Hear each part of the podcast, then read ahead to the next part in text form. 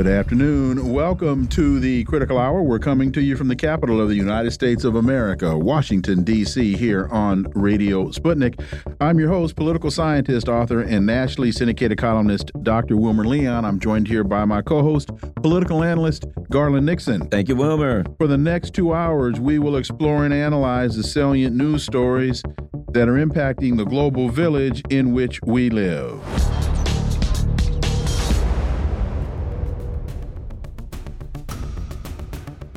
The Federal Reserve announced that it's holding interest rates steady following its January 30 and 31 meeting, leaving the federal funds rate at a target range of 5.25 to 5.5 percent. What's the basis for this decision, and what's the projected impact on the average American? Well, for insight into this and other issues, let's turn to our first guest. He's an associate professor of economics at the University of Missouri Kansas City uh, and former president of the National Economics Association, Dr. Linwood Tauheed. As always, sir, welcome back. Thank you. So it's the fifth time in the last six meetings that the Fed has left rates unchanged, though the central bank has raised rates a total of 11 times during this economic cycle in an effort to tamp down high inflation. What do you see as being uh, the rationale for once again leaving or holding on the current rate. And the second part of that question is what's the projected impact uh, on the economy going forward or the average American? Well, I think that the Federal Reserve is between a rock and a hard place. They, they, they in some ways, have always been there. Uh, the current uh, inflation rate is at 3.4 percent. Now, the, the Jerome Powell has said uh, that the target rate is two percent. We're we're not at two percent, and um, the numbers show we're at what three and three point five percent, three point three point four percent. Okay, three point four percent, and and so we've got uh, quite a ways to go if we're going to get to two percent. So you would think that the Fed would want to increase interest rates to uh, to to get there.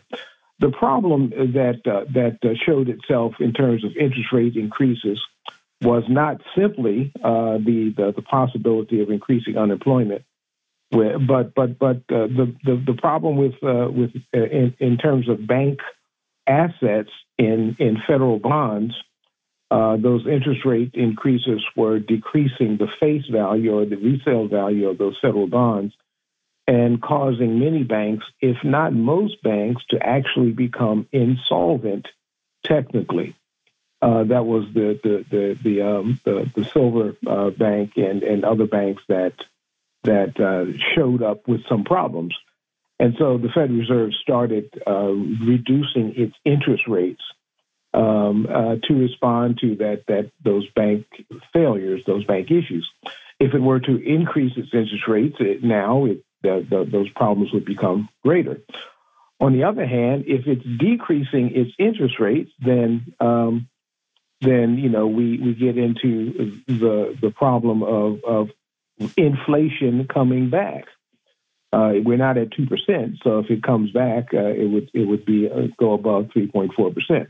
So so the Fed really has no good tools uh, to to address this issue, and so it has uh, punted for the last five times, and and uh, hoping that other things will happen uh, to make it uh, not have to do anything. Um, but uh, the the problem is interest rate. I mean, the inflation rate at three point four percent. Just means that prices are only increasing at 3.4%. It doesn't mean that prices are going down. And prices in some areas, including housing and rent and food, are still very high. And so while the um, uh, there are folks who are looking at this um, um, unemployment rate and the inflation rate and saying the economy is doing well, uh, regular people who have to pay these high prices are saying no, not it's not doing well for them.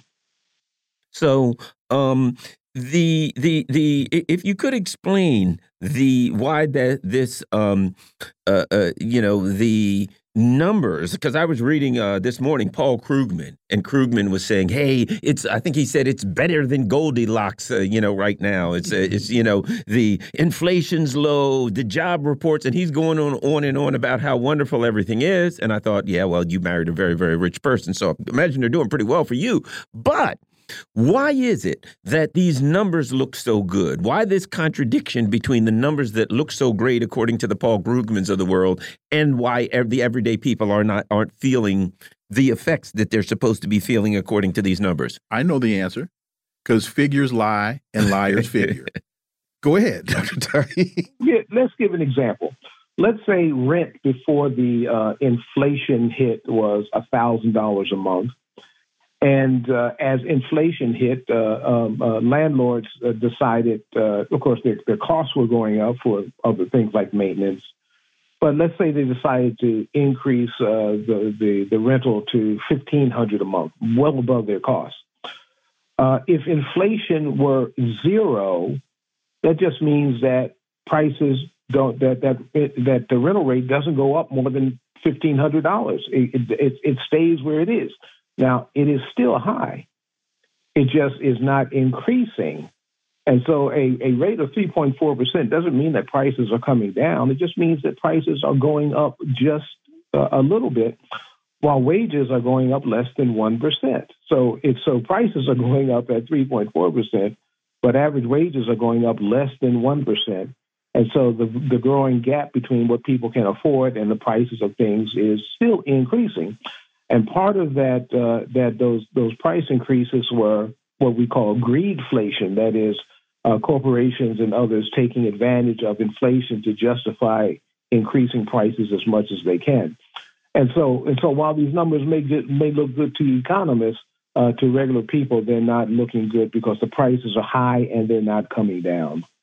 So, what is this as we move towards November of 2024 uh, and President Biden is trying to make his Bidenomics argument, which, by the way, we haven't heard in a while. And if you want to explain why we haven't heard that argument in a while, eh, please do. Uh, what does that do to the realities that the average American is facing at the dinner table? Well, Bidenomics was run up the flagpole and nobody saluted. I mean, the economists and, and others were, were saying, Democratic leaning economists were saying, hey, things are great. Uh, uh, the public is stupid, but, but the public is not stupid enough to believe that. Uh, they, they have to pay their bills. And so we haven't heard much from Bidenomics because the public wasn't going for it. Now, now Biden, that you know, the Biden administration can do things that the Federal Reserve can't do. Uh, you remember uh, some while ago, uh, Biden was was uh, complaining to corporations that they should bring down their prices and not engage in greed and price gouging. Uh, the corporations ignored him. Uh, but but you know he is the president, and if he was serious about um, demanding that these corporations reduce their prices below cost, he's got all kinds of regulatory agencies that could go after these corporations and bring their prices down. I mean, you know, while while prices are going up, uh, corporations are are still engaging in record profits, which shows that their price increases are more than their cost. Uh, the president has something to do with that. Uh, that he could do about that, but he's doing nothing because these corporations are donors to the Democratic Party, and so he's also between a rock and a hard place. And Joe Biden is from Delaware. yes, the, the banking banking capital of the of, of the world. He was uh, called the senator from MBNA and, and not for no reason. Let me ask you this. Uh, you know, a, a, week ago, and this is related. Um, a week ago, of course, there were the soldiers were, uh, you know, uh, killed in the attack in uh, Syria, Jordan, wherever. That seems to have gone back and forth. But the U.S., uh, you know, the leaders are like, okay, we're going to attack. We're going to blow somebody up. Iran's going to get it. And they have been very, very hesitant to act, shall we say. What are your thoughts on the possibly the economic ramifications. You know, if they go to war with Iran, the Straits of Hormuz could close. The the um, the uh, the um, you know the cost of oil could go through the roof if there's a war there. Do you think the the the economic considerations are considerable um, in their discussion of you know in their considerations? I mean, how bad could it get if there was a war in the region and there was a disruption to the oil oil supply? Well, war in the region uh, more than it than uh, larger than it is now, particularly war that would directly involve Iran, uh, would be devastating in terms, terms of oil traffic. If I understand, have my numbers correct, about forty percent of the oil uh, exported comes through the Strait of Hormuz. Um, and and so that would be devastating on on um, oil and energy prices. It would definitely uh, increase inflation, uh, and would be bad for for the Biden administration uh, prior to an election. So so you know my inclination is, is to believe that Biden is not stupid enough to to uh, cause that increase in inflation when when inflation is already an issue and high prices are already an issue. Uh, and so, uh, you know, the Biden administration, as I understand it, is is actually working behind the scenes the scenes to try not to uh, a, uh, attacking Iran, even though he, he's talking tough uh, to the public. He's actually trying not to do that. Uh, the the question is, will will will the U.S. be dragged into that um, um, against its will? Um, and, and, and so, you know, the, the, the neocons in the Biden administration are all for going to war, but that would be bad for Biden in, in terms of an election. The House has passed a bipartisan tax bill that expands the child tax credit. This past Wednesday, uh, they voted to pass a $78 billion bipartisan tax package that temporarily expands the child tax credit and restores a number of business tax benefits. As I read deeper into this, it seems as though they have the story backwards that it would restore a huge number of business tax credits and temporarily expand the child child tax credit not to where it was during COVID, but between where it was during COVID and where they cut it to damn near zero? Well, well, to, to give you a, a, a, an idea of the, of the comparison to the tax credit expansion during COVID, uh, this bill will uh, uh, bring about a half a million children out of, above the poverty line.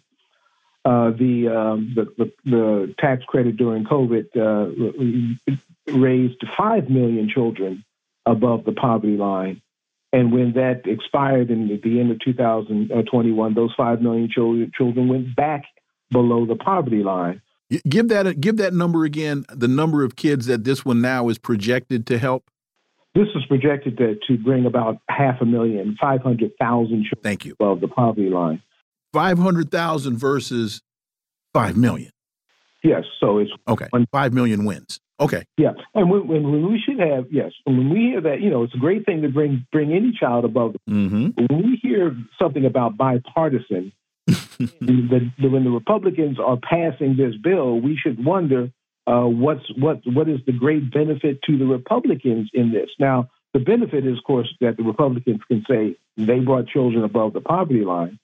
What the media is not talking about, trying to hide it behind the uh, the, the, the tax uh, credit issue is the the repeal of uh, the addition of, of corporate tax benefits as a continuation of the Trump tax cut.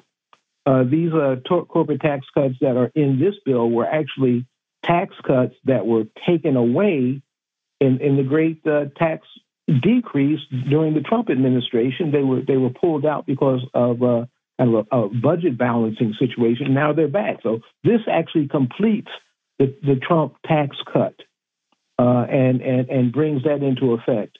And, and, and these benefits are, are as, as, as high as the benefits uh, to the uh, to the tax relief, uh, the, the, the child increasing child tax credit, uh, but but they're going to benefit the very wealthy as opposed to the um, just average persons.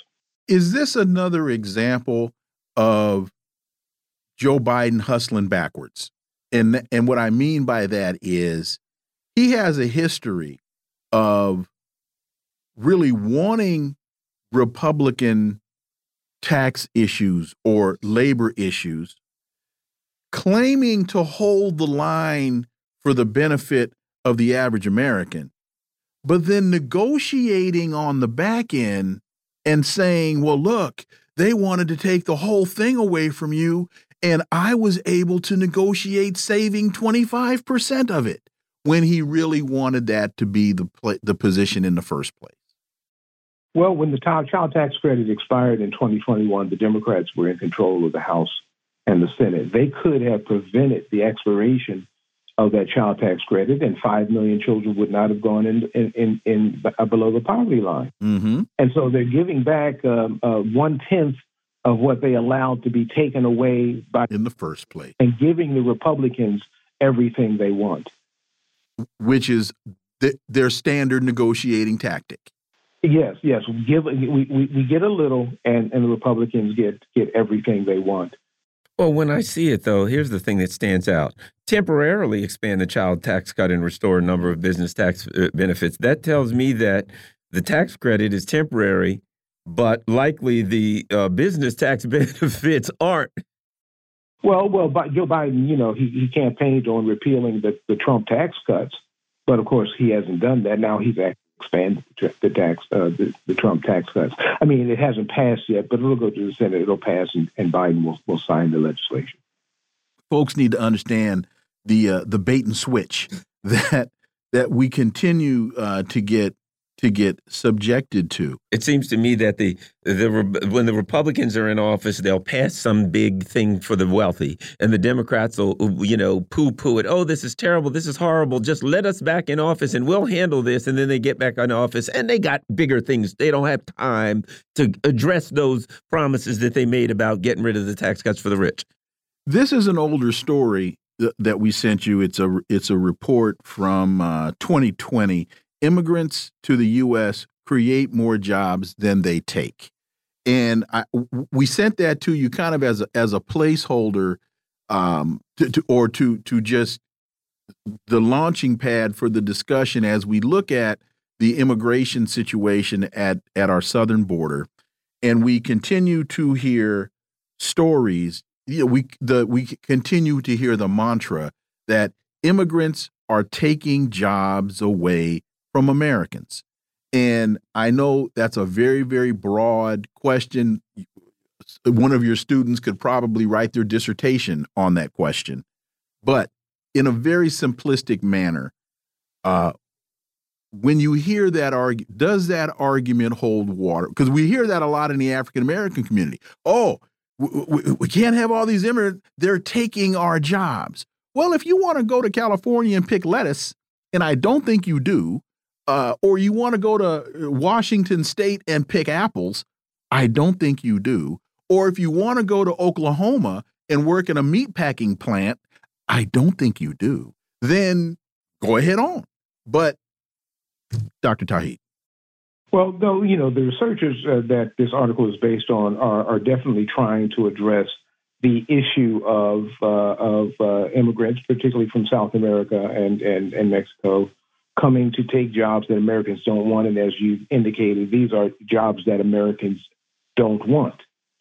Uh, but but this article is is kind of off base mm-hmm. because it's actually talking about immigrants who create uh, companies, right? And it's using Elon Musk and Sergey Brin as examples of immigrants who actually create more jobs.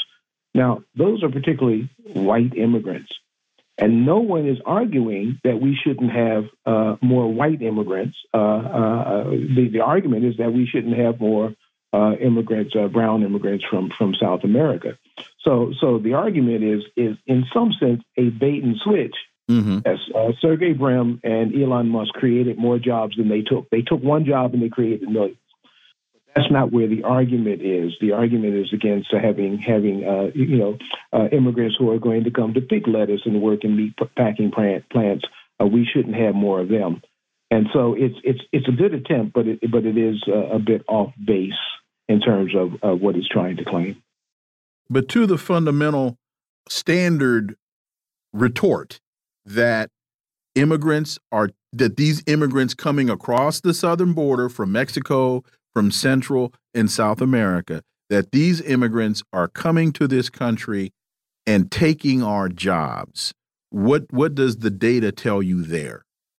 Well, the data data tells us that those immigrants are are coming in uh, one and uh, working at a lower wage than Americans would want to want to work at in uh, in in industries that that Americans don't want to work at. Mm-hmm. Um, uh, and uh, they're, they're, they're getting paid lower wages because uh, the uh, uh, many of them as as undocumented they they can't complain if they're paid less than the minimum wage. Working conditions is horrible. they can't complain to the Labor Relations Board or or to OSHA if if there are safety violations. The, the issue is that we have corporate leaders, uh, you know, owners of corporations who are taking advantage of this uh, of, of these immigrants as they're coming across the border. And, and the government uh, and, and even uh, the conservatives are focusing on the immigrants who are coming across the border as opposed to the business persons who are taking advantage of them and and and and great and uh, getting great great greater profits as a result of that. So, so the focus is always on the poor, not on the very wealthy. One data point and then a question. And we're here in the Washington, D.C. area where uh, crabs are, blue crab is very plentiful, and people here love blue crab. I want to say, and Garland, you can back me up on this, about three years ago, the price of blue crab went through the roof, maybe four years ago because the crab picking plants could not find the labor to pick crabs. And that labor, it wasn't that African Americans were running to the eastern shore of Maryland and to Baltimore to pick crabs. It was that they couldn't find the Latino labor that they're used to having. And so uh, the, the, the price per pound of crab meat went, it, it like almost quadrupled. Yeah.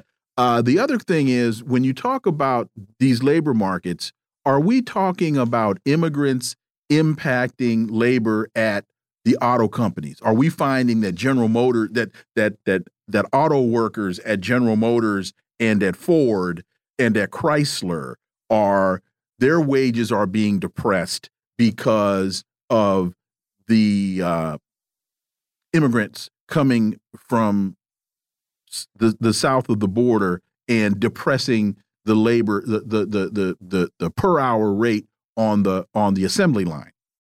Uh, no, we're we're absolutely not certainly not talking about uh, labor replacing union workers or in, in, in plants because there are a lot of uh, non-union auto plants. So we're not talking about uh, workers replacing workers in those plants because the wages in those plants are are being uh, helped by the wages at union plants. No, we're talking about uh, low wage job, sub minimum wage work that uh, that that that Americans uh, uh, don't want to work unless they are extremely desperate. And, and if if we're at that point that that uh, Americans, you know, citizens.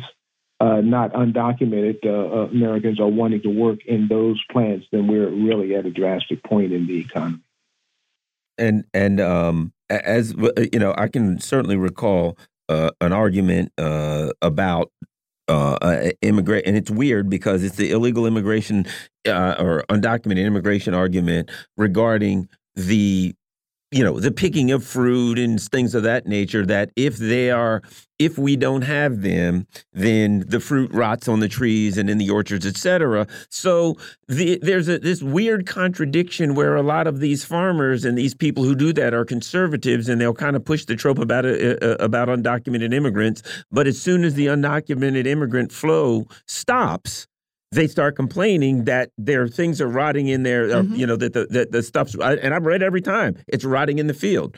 Is there a way, or you know, politically, to do something to address the issue of they have to have that immigrant labor, but they don't, you know, they don't want to accept the issue of undocumented? There is. Stop using this for fear mongering, and start dealing with the reality at the border, Dr. Tauheed. Uh, yes, I, yeah, this is obviously a political problem. It's not. A, it's not an economic problem. And and you're correct. Uh, while conservatives uh, will will will um, rally, uh, rally up their their supporters uh, to to go down and, and, and watch people and, and, prevent people from coming across the border, business per persons in business are in fact wanting those persons to come across the border, and so uh, they're they're both conservative and they're, and they're working at cross purposes, which is the reason that we don't have a, a comprehensive uh, immigration bill because both the conservative the conservatives are, are really not wanting what they're what what what they're saying and and the Democrats are are are not um, um, um, organized enough to push anything forward. In fact, uh, you know the Democrats and Republicans both have donors from the same place, and so uh, they're they're following the same agenda. Dr. Linwood Tauheed, as always, thank you so much for your time. Greatly, greatly appreciate that analysis, and we look forward to having you back. Thank you. Folks, you're listening to the Critical Hour on Radio Sputnik. I'm Wilmer Leon. I'm joined here by my co host, Garland Nixon. There's more on the other side. Stay tuned.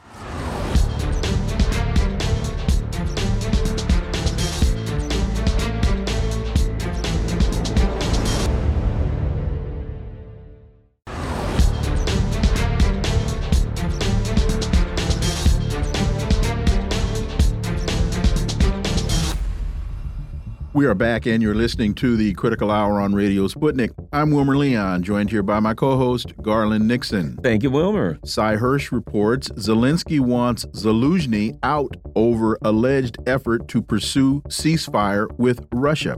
For insight into this, let's turn to our next guest. He leads the Speaking Truth to Power section of Tell the Word, a publishing arm of the Ecumenical Church of the Savior in inner city Washington. He served as CIA analyst for 27 years. His duties included chairing the national intelligence estimates and preparing the president's daily brief. And in January of 2003, he co created Veteran Intelligence Professionals for Sanity. Ray McGovern, as always, Ray, welcome back. Thank you. So it's reported Zelensky wants to remove Commander in Chief Valery Zaluzhny from his post because of his alleged involvement in secret talks with Western officials about pursuing a ceasefire with Russia. This is according to Seymour Hersh. Ray McGovern, your thoughts.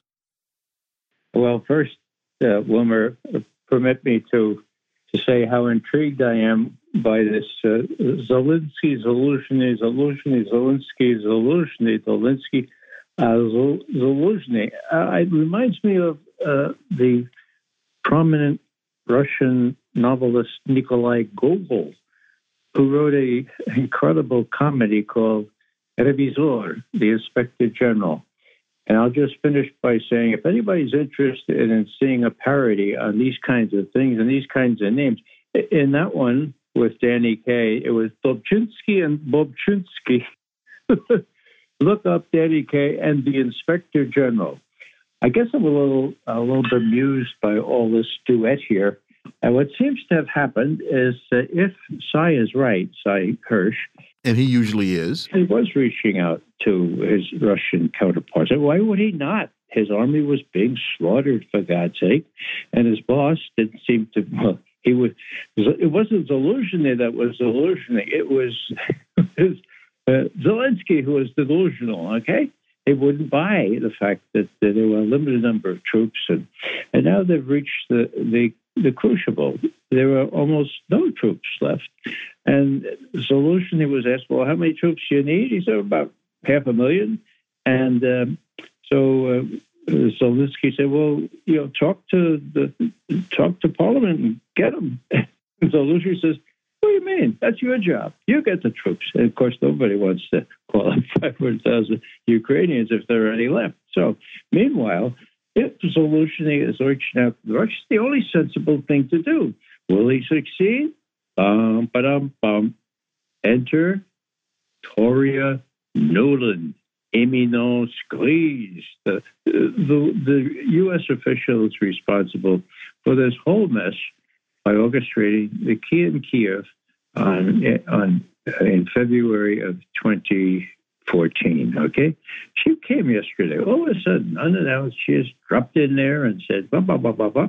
Well, it seems to me if history is precedent, Zelensky is her man, and she's the only one that counts. So, what does it look like? It looks like right now, today, as opposed to yesterday, it looks like Zelensky will be cashiered, Zelensky will, will have another general appointed, and uh, somehow or other they'll try to muddle through the next few months. They're not going to be able to do this very long. Because even with this infusion of, of, of monetary aid from the EU, you know, that's going to come after the party's over. The Russians are advancing now. The party's going to be over in a couple of weeks. And uh, then what is the new commander in chief of the Ukrainian force to do? Well, he'll have to start listening to Washington, and so will, in this instance, Zelensky.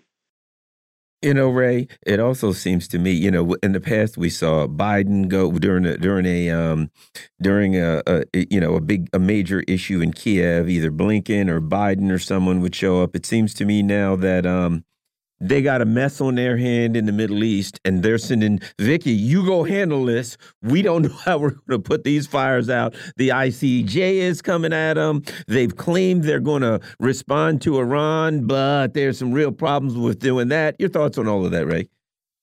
Well, I think the interesting thing is uh, chutzpah, you know, or hubris, overweening arrogance.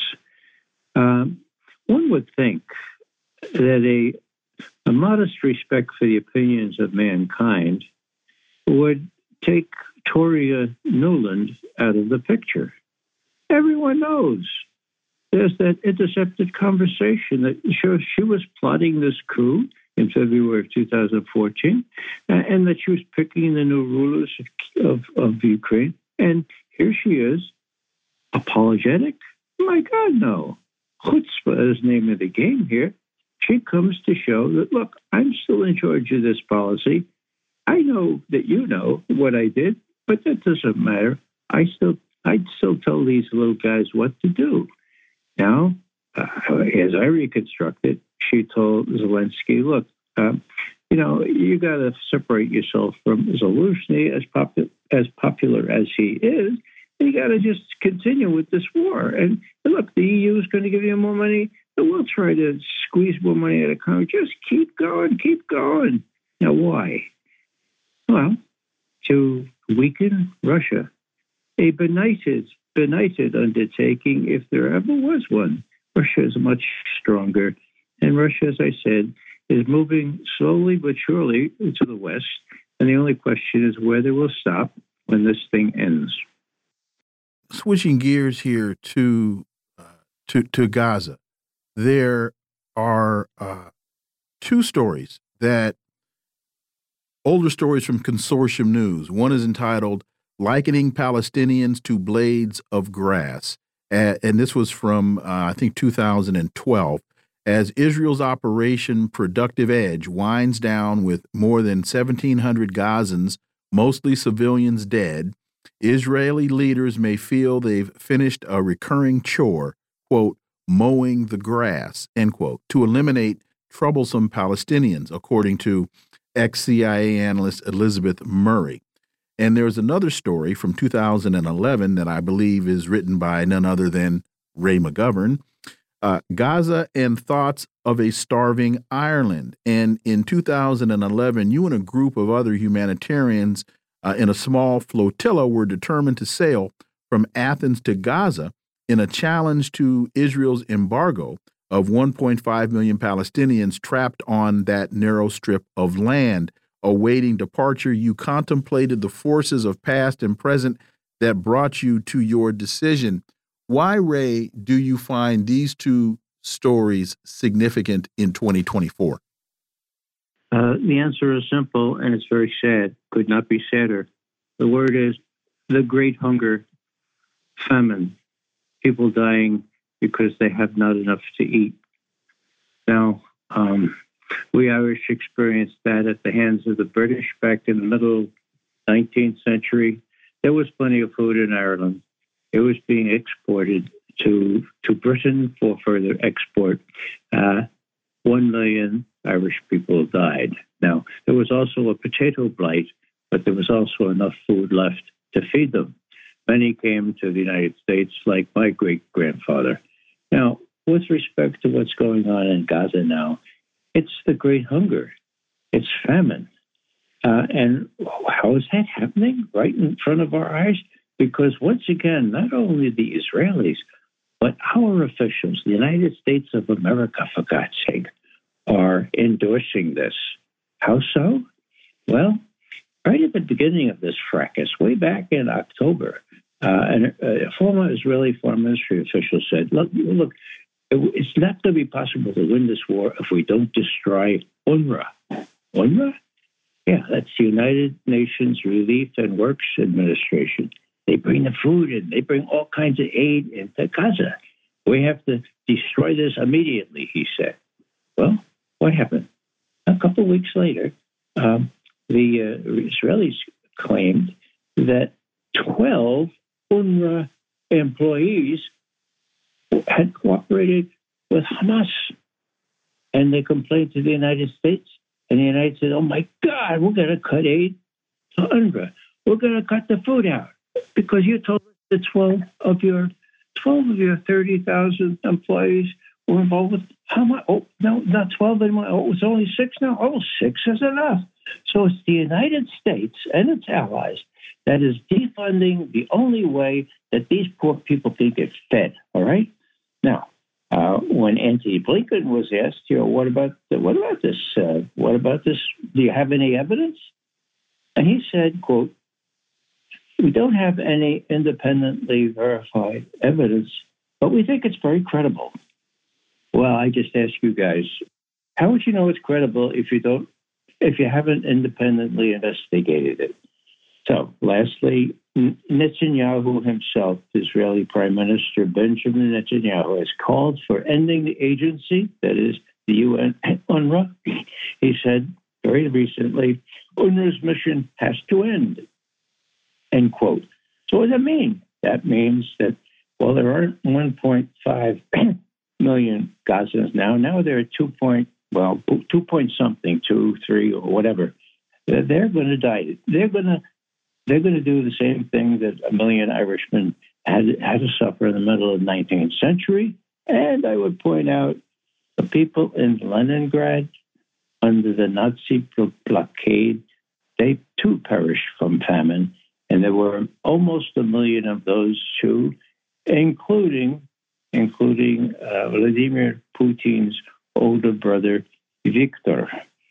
Now, you know, uh, it, it boggles the mind. Uh, someone asked them in Leningrad before this incredible monument that houses one million people who perished in Leningrad. They said, uh, Vladimir Vladimirovich, uh, uh, where, where is Victor buried? And he turned dismissively, threw his arm toward that giant monument, said, somewhere in there. Okay. So there are people that have experience with these things. Tony Blinken does not. Neither does Biden. Neither does Sullivan. Neither does Nuland. Okay.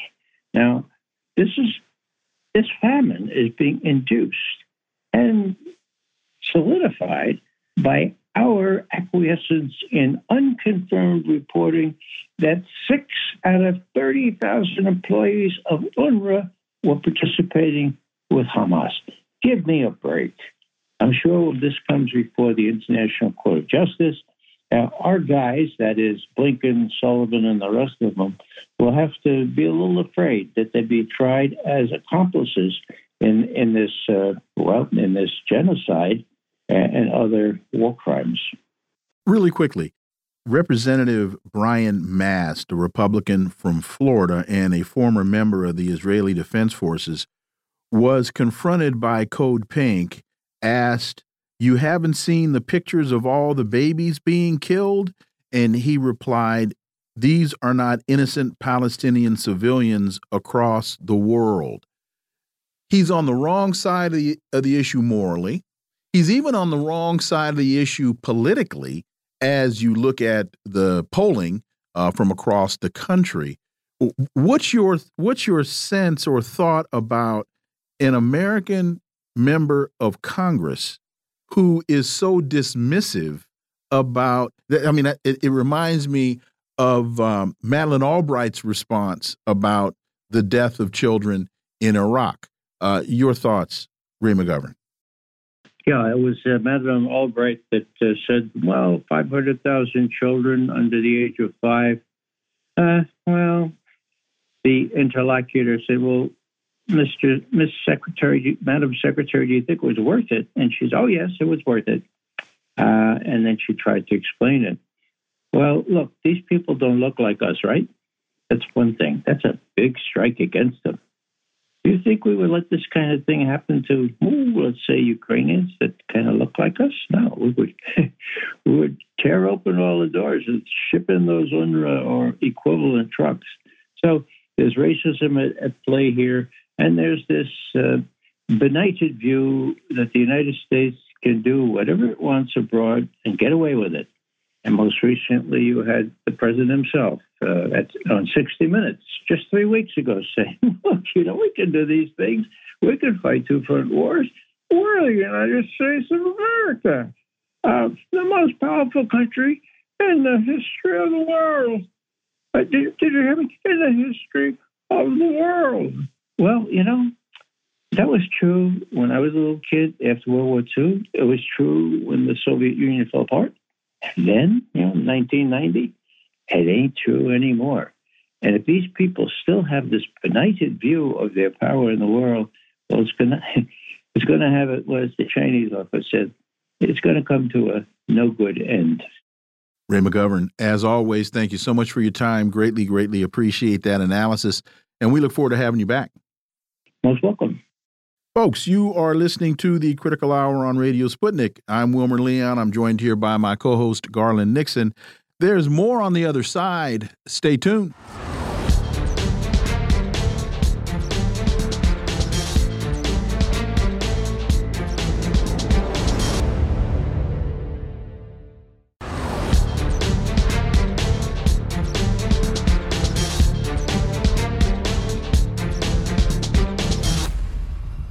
We are back, and you're listening to the Critical Hour on Radio Sputnik. I'm Wilmer Leon, joined here by my co host, Garland Nixon. Thank you, Wilmer. RT reports White House staffer reveals concerns about Biden's mental state. A cybersecurity analyst has told an undercover journalist that U.S. officials are privately worried about the president and his VP. For insight into this, let's turn to our next guest. He's the host of Voices with Vision on WPFW 89.3 FM in Washington, D.C. He's a Pan Africanist internationalist organizer and a member of Black Alliance for Peace. Netfa Freeman, as always, Netfa, welcome back. Thank you. Thank you. Always good to be back. You know, the longer this drags out, we, we have been saying on this show for a while that it that we don't see how uh, Joe Biden winds up on the ticket after the convention, uh, and and one of the things that we are looking to are stories like this, and there are more of them coming to the surface. And when we were in the break, I was saying to Garland, I saw video of Biden in Michigan yesterday. And when he wasn't speaking, he looked clueless. He looked at like he was standing in the fog in San Francisco. And I don't know if folks know about Northern California fog, but it's it's intense. He he looked clueless. Your thoughts, Netfa Freeman? Mm -hmm. Yeah, I mean, I think he he was pretty much looking. I mean, starting to be a little clueless, and I think he was even before he got elected or he got put into the office. And they knew knew that. I mean, I think the Democratic uh, establishment elite really settled when it came to Joe Biden. They were really hoping and wanting somebody else, but of all the people that were there, there was just nothing that would that they could trust to uphold um, the capitalist imperialist uh, agenda. Um, and so Biden was, you know, was a vice president before and was more solid in terms of the, what that really would call for. And so they went with him um, at the very end. I remember even what's his name, uh, Bloomberg. Mm-hmm. They threw pretended to to I think pretended to be in there, but really it was a I think some uh, was a maneuvering to kind of take people away from the other candidates and and then eventually just they just had no other choice but to give it to to Biden. Even if you remember, I don't want to spend too much on this. If you remember Obama, Barack Obama endorsed Bloomberg. Mm-hmm. And then we were like, wow, he didn't even endorse his own presidential candidate. And then you know, Bloomberg was gone. And he was endorsing Biden. But Biden, you know, this is not the first time that the U.S. oligarchy has had a senile, you know, somebody that was not altogether there. I remember, uh, we know uh, Ronald Reagan, and that the, because they really um, the presidents can at times within the oligarchy be figureheads, so to speak. And it's really not the presidents is really necessarily running things. You can have a shrewd and smart one that kind of you know gets right in there and exercises the different powers that the executive branch has, like Obama, um, and even like Bill Clinton, and even the Bushes. Um, but you know, I think he was a he was the choice that they just had to go with because of, and then what we're seeing now and then they can't they can't reveal just like they did with Reagan. I, I mean, I know y'all remember Reagan mm-hmm. and how one time uh, Nancy Reagan was actually he was repeating something she was saying uh, he he was she was trying to tell him what to say. They were in front of the White House, and she was like, and I remember seeing it. It came out later that that was what he was she was doing. Mm-hmm. But I was like, she's whispering to him, telling him what to say. I guess you could see it. But so now maybe I don't know if Biden's that far gone.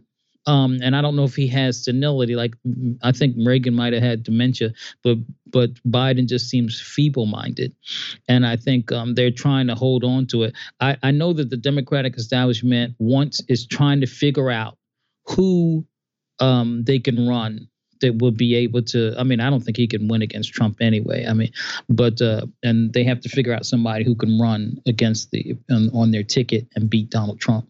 Yeah, I'm going to take something similar and then and then throw two things at you. So there's another article, Nancy Pelosi. So she's out there going after the Palestinian protesters, saying they're a bunch of Russian bots, and the FBI should investigate them. Now, if you could comment on that through the context of what's happening to the Uhuru movement, we could just laugh it off. Ha ha ha, you know, she's saying whatever. But right now, the FBI is, in fact, going after the African People's Socialist Party, um, trying to put them in jail for life, basically, uh, for exercising their, their constitutional rights. And she's saying, oh, the FBI should investigate people. Let me add one more thing to that.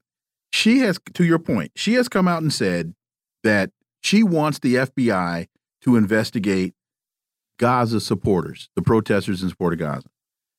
Christopher Wray, in response to that, came out and said, We are not going to be investigating nonviolent First Amendment activity. Our mission is to protect the American people and uphold the Constitution. We intend to both, we embrace both parts of that mission. So somebody has taken her comments so seriously that the director of the FBI has had to come out and respond to it, but they're still pursuing the Uhuru movement. Your thoughts? Right.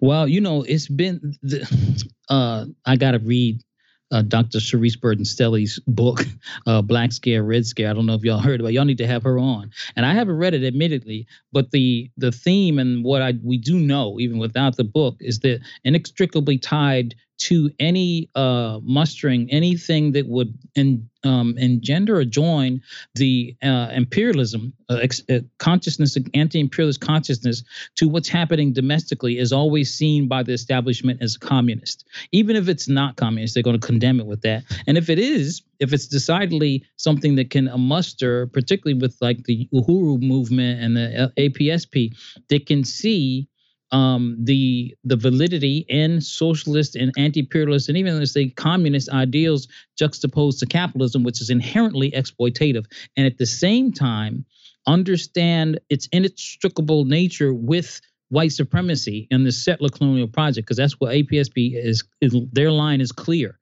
This is settler colonialism, and you can't tease out settler colonialism from uh, capitalist, uh, the uh, white supremacy and capitalist exploitation, and that's what settler colonialism re- represents, particularly in the United States. So he, they're they're really going to be the target, but it's really not just about them. I think all of us who have this, um, who take a stand against the system and have the more clear line, where this represents a threat to us. So we really need to be paying attention to this and actually stand up and, and take a stand for the Uhuru Three that's being um, that's being marginalized and railroaded into prison unjustly, and and it's under bogus things. Now with the FBI, if we to talk about the like the FBI and their sort of uh, um, pushing back on Nancy Pelosi's reckless.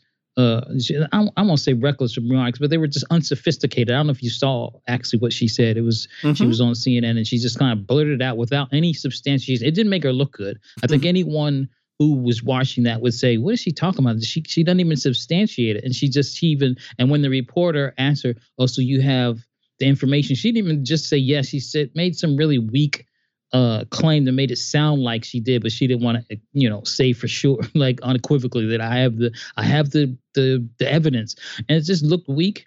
But um, I think these politicians, when they come out here like this, they really are not as sophisticated as the, the FBI uh, uh, higher echelons that really know how to protect national security. They see the so-called national security state of the U.S. They see that around this country and around the world, but around the country, there is massive opposition to the Zionist state. And that you know it's par for the course for them to for somebody like Pelosi and these people in their positions who are these career politicians trying to figure out how to hold on to the state and the credibility, but also their own credibility, just to recklessly enjoying that as okay, it's Russia, it's China. Those are the most formidable anti, you know, uh, I'm sorry, uh, forces in the world against them, and just say that everyone's being a pawn of them. And that's part of what that's what's happening to the APSP. They're being uh, condemned as a pawn uh, agents of Russia simply because the U.S. is losing its legitimacy and cannot regain it, no matter what. So they, they're anyone who can uh, amplify that illegitimacy and their bogus uh, stance position in the world is going to be a target and they'll they'll falsely claim that they're aligned with Russia. Same with they want to have to do this to a whole movement. She don't know what to do. She in one breath she says, "Well, we have to stop the killing of any you know innocent Palestinians," but at the same time says you you don't want to have a ceasefire. That's Putin's message. I mean, it sounds so ridiculous. Well, how do you stop the innocent killing and the genocide if you don't stop stop the you know stop the genocidal actions? So it sounded really ridiculous. But uh, so that's but that's uh, but I what I and I'll end with this. The FBI shrewder. It's doing the analysis. It's looking at the lay of the land. It's figuring out that if we go against people simply, you know, this massive movement, it's not going to help the legitimacy of the settler uh, the settler state and the and the and the the rulers. What does it say to you that this international issue is as high up on the list of concern of American voters as an issue of foreign policy? Because we know historically that foreign policy issues rarely um, take take front and center stage uh, when it comes to uh, people's considerations of candidates and elections, but this one is is huge. When we, we have heard that Biden could lose Michigan behind this, it's quite possible he could lose Ohio behind this. Your thoughts? Mm -hmm. So this one's huge because of the the overt It's a few factors. I'll say them really quickly. The heinous nature, the overtly heinous nature of the Zionist state, and it can't be contained. They can't spin it because social media's all over the place, and people it's just they just can't tell lies like it's just they're just after Hamas. They're blatantly killing women and children in mass, and, and it's just no way to lie about it. Um, and then also, I would say that the collective consciousness around the nature of Zionism over over what it really what it really is over the 75, 75 years is more sophisticated now. There's been political education on the part, and, and people it may not be as widespread, but there's a little there's a little bit more information out there about the you know the history mm-hmm. of the settler state and what Zionism is versus Judaism and those kind of things. So they can't really fool anybody. Then there's another, uh, also maybe underappreciated factor is that this also goes along with the uh, the incessant drive for war and destruction, and that why it's joined with the the domestic uh, conditions that people see. Well, we are having hard time getting jobs, and we don't. There's food insecurity. There's crime bills. That's another thing. These crime bills to get people. Are, the people are seeing the parallels between that and the clamping down uh, in mm-hmm. other countries. So people are identifying with it, and it's just saying, you know, people are saying, well, you spend all this money for this, and you don't have money here. Uh, you know, Ukraine, all of that. Netfa Freeman, as always, Thank you so much for your time. Greatly, greatly appreciate that analysis. Have a wonderful weekend, and we look forward to having you back. Thank you. We'll be back.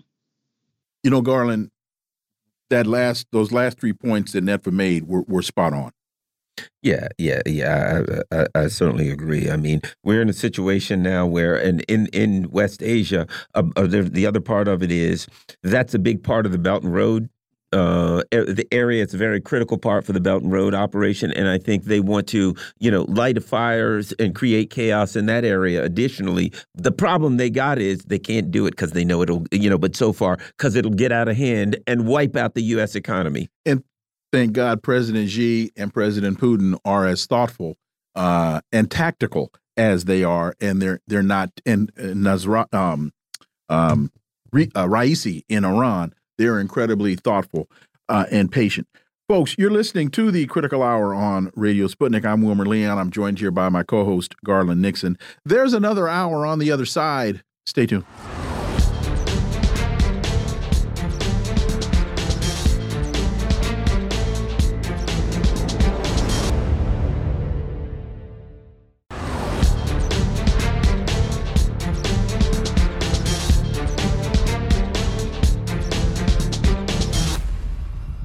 We are back, and you're listening to the Critical Hour on Radio Sputnik. I'm Wilmer Leon, joined here by my co host, Garland Nixon. Thank you, Wilmer. Well, Black Star News reports Uhuru movement urgent call to defend to defend them against FBI arrests and imprisonment. On the 29th of July of 2022, the FBI militarily raided seven homes and offices of the Uhuru movement, including the home of its founder and leader, Omali Yeshitela, chairman of the African People's Socialist Party. Where are we with this today? Well, for insight, let's turn to our next guests. It's Friday, so that means it's panel time. We're joined by the host of AM Wake Up and Slow News Day, which you can watch live on Rokfin and Rumble and listen anywhere podcasts are served. Steve Poikonen, as always, Steve, welcome back. Happy Friday, gentlemen.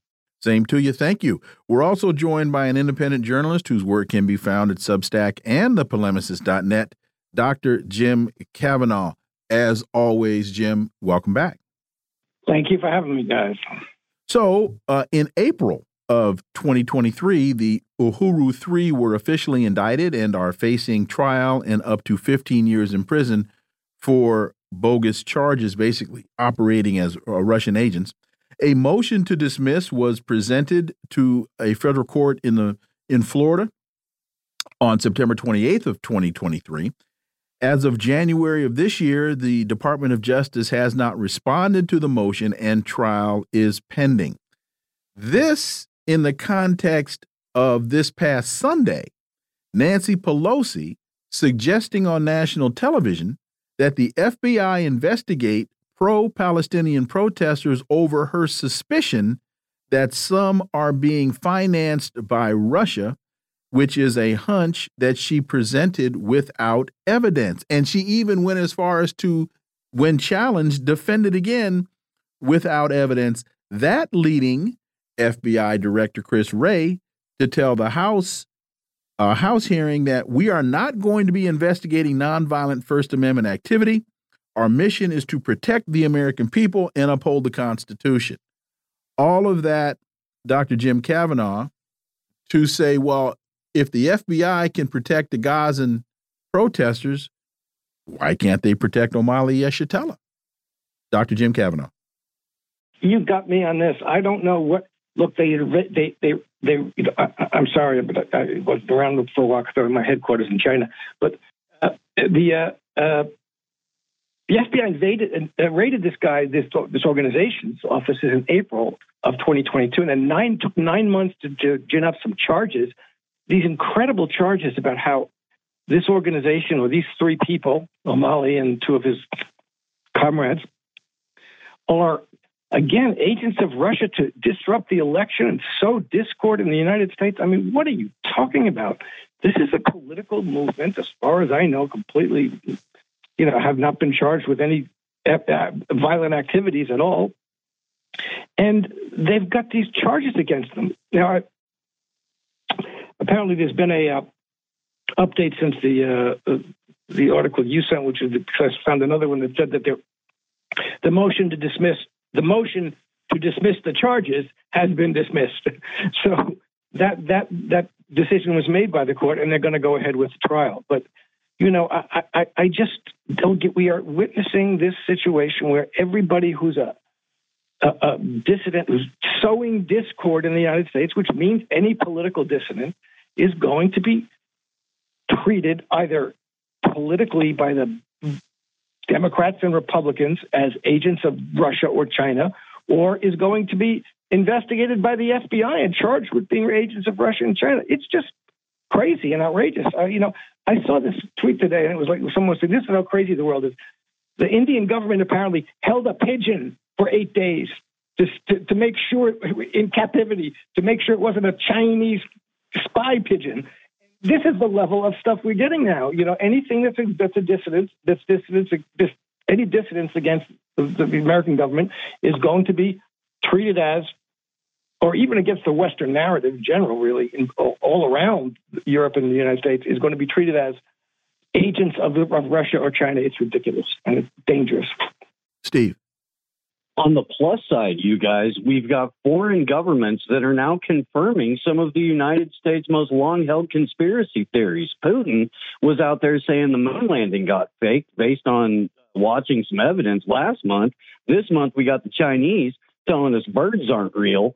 So it's, you know, I mean, we're we're checking all of the boxes right now. The Biden administration hates speech. they hate difference of opinion. They hate anyone who isn't just mindlessly repeating their talking points. This is a an FBI and a Department of Justice that has been fully weaponized by by the Biden administration to go after any and all perceived political enemies. Let's not forget while we're placing uh, what happened with the Uhuru movement in context regarding to Pelosi's uh, ridiculous, you know, let's have the FBI go after pro-Palestinian protest or whatever it said when she got done to the bottom of her martini glass and it said blame Russia. I'm not even sure what she was trying to get at there other than let's further weaponize the FBI. The same FBI in the same Justice Department and the same people that are responsible for Julian Assange's continued incarceration and the 40 year sentence just handed down to alleged Vault 7 whistleblower Joshua Schulte just yesterday. This is a, a completely tyrannical Justice Department that is being used to tell the entire world speak out a turn, no matter what we say turn is, and we're coming after you. You know, Jim, in light of what's going on now, the uh, Wilmer and I have reported on the polls. You know, there's a lot of black voters, or shall we say, unhappy with the Biden administration. Young voters unhappy with the Biden administration, and the Uhuru movement. Let's face it, the, uh, uh they were the, the uh, you know a socialist party, and uh, oftentimes, you know, they would run a candidate. They only got a couple percentage of the vote, but they certainly have a right to run the, uh, the run run. And they would say, the Democrats are not doing anything for you. They worked in poor black neighborhoods. They had like one. I know one of the things they did. They had this uh, like a restaurant, and when black people would get out of prison, they would bring them there and let them work there, teach them culinary skills, and try to help them get a job. God forbid, you know, this is Russian Russian uh, operations. You ever saw one? Try to teach them skills and get them a job as a cook or something somewhere, right? So I, let me tell you what else they would do they had they trained women and other uh, primarily women to be du uh, doulas to help women in inner cities uh, deliver successfully deliver children, lowering the birth the death rate during birth. Yep. So the bottom line is now um, we look at them, come after them, uh, come after them. I think when they look at socialists, when they look at the left, and particularly a black socialist group that's saying to black people, "Hey, you're being had by the Democratic Party," that's a big threat to them, and that could be one of the reasons they go after these people. Jim. Oh, absolutely. Yeah, these guys were doing, as you say, real community work real community organizing work, not the Obama type, but you know they were out in the neighborhoods doing social services for people. And you know, uh, we they didn't have a national presence that I knew of that much, but they had a local presence and they were respected in their community. And yes, you're absolutely right. The, the, the thing they're most afraid of is popular socialism, socialism that uh, black people get behind, that Latino people get behind, that unites people across races and and, and cultures, and uh, that's one of the things that uh, they're most afraid of, obviously. And it's you know since the days of uh, the Black Panther Party. I mean, clearly that's what they got went after Malcolm X. That's when they went after Martin Luther King when he says, "I'm going to go with the garbage workers strike." The workers we need we need to to to be uh, fighting alongside workers in the United States. And when you know uh, Malcolm X came back and said, "Look, you know I've been all around the world now, and I understand that our black people struggle in the United States is related to all kinds of struggles around the world." Those are the things that are the most dangerous uh, Steve, and also your thoughts on the fact that okay, they're doing great things in the community. Which, and if anything, the government should say, "Here's some extra money, we'll help you." Instead, but when someone points to the system and says, "You're being had by these people, you're being lied to by these people," there are other alternatives. They become a threat, and that at that point, and it isn't it interesting the Democrats that say, "Oh, we're here to help out black people," and blah blah blah, and it's the Biden administration that's trying to take them out. And, and, Steve, let me ask you also to add a little historic context to your statement that the FBI or the Justice Department is being weaponized because we know from the inception of the FBI with J. Edgar Hoover uh, as its first director, the weaponization of the FBI has has been its has been its calling card. That that's that's what J. Edgar Hoover saw the function of the FBI to be. Absolutely. And in Hoover's, know, warped perception, he was defending the empire. But what he was in fact doing was preying on regular citizens. He had every single civil rights leader of every color uh, wiretapped, followed, harassed, stalked, threatened, etc. This is the FBI that came up with the policy of COINTELPRO, the counterintelligence program that uh, was, you know, setting up absolutely every political dissident under the sun.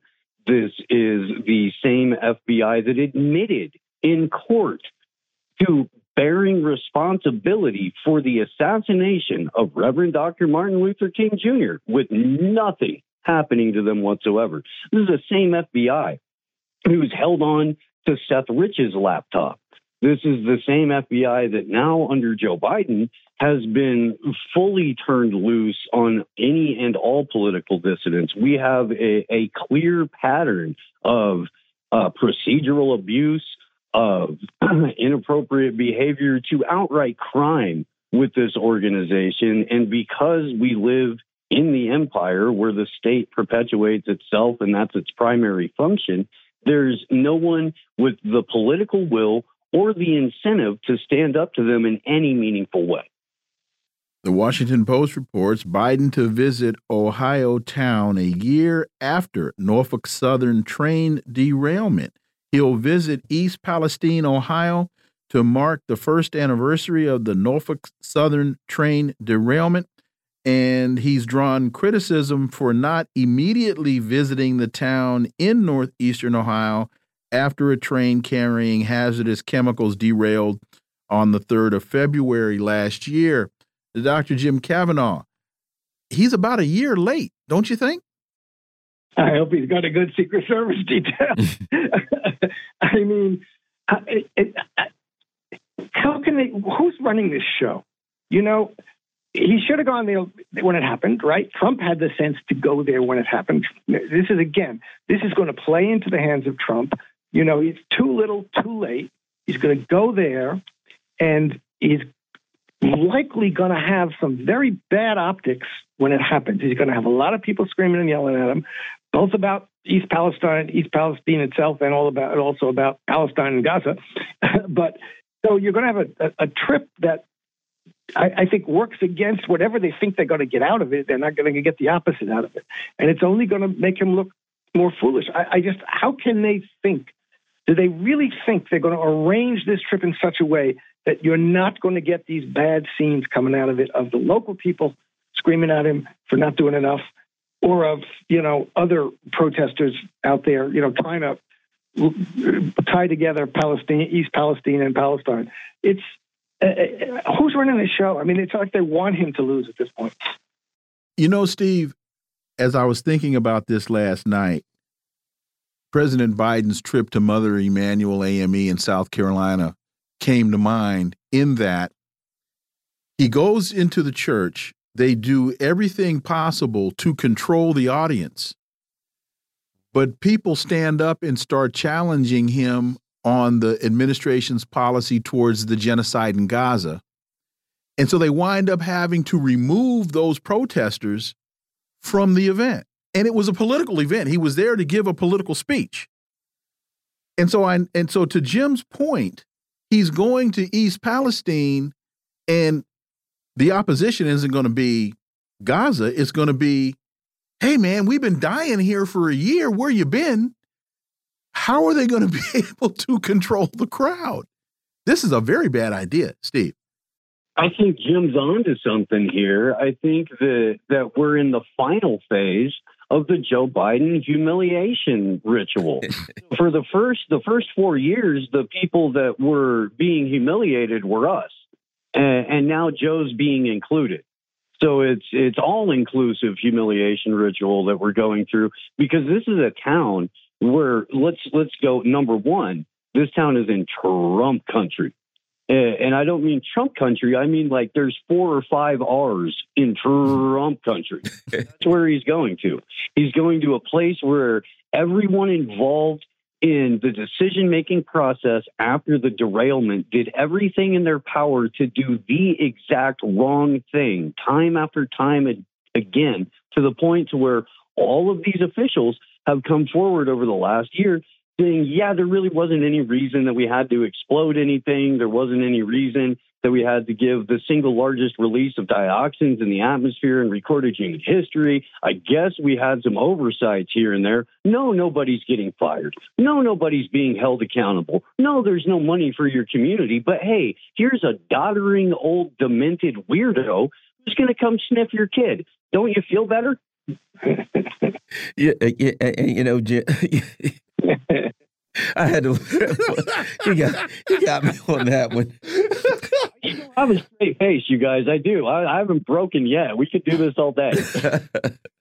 but yeah, so you know, no, we can't. Yeah, uh, you know, the thing about it is, you look at this and you ask yourself, when you see the kind of thing, these kinds of things, you just ask yourself, who in the White House is sitting here saying, "Man, I got an idea. This would be a great idea." Let's go to East Palestine a, uh, uh, a year, uh, Ohio, a year later. They had uh, uh, uh, about a week ago, ago, they decided in the White House to have this morale building party here in I think it was Washington D. It was either in D.C. or right across the river in, in, Virginia. I think it was D.C. So they have this morale building party, and of course, it's everybody finds out about it. And what do you know? A whole bunch of protesters stand up there. So while he has this morale morale building party for his staff, the people are outside screaming genocide joe and you, you know quit your job you're a disgrace etc and i'm thinking well who couldn't see that coming? The the level of incompetence in the biden administration is unfathomable jim. Your thoughts? Say who's running this show?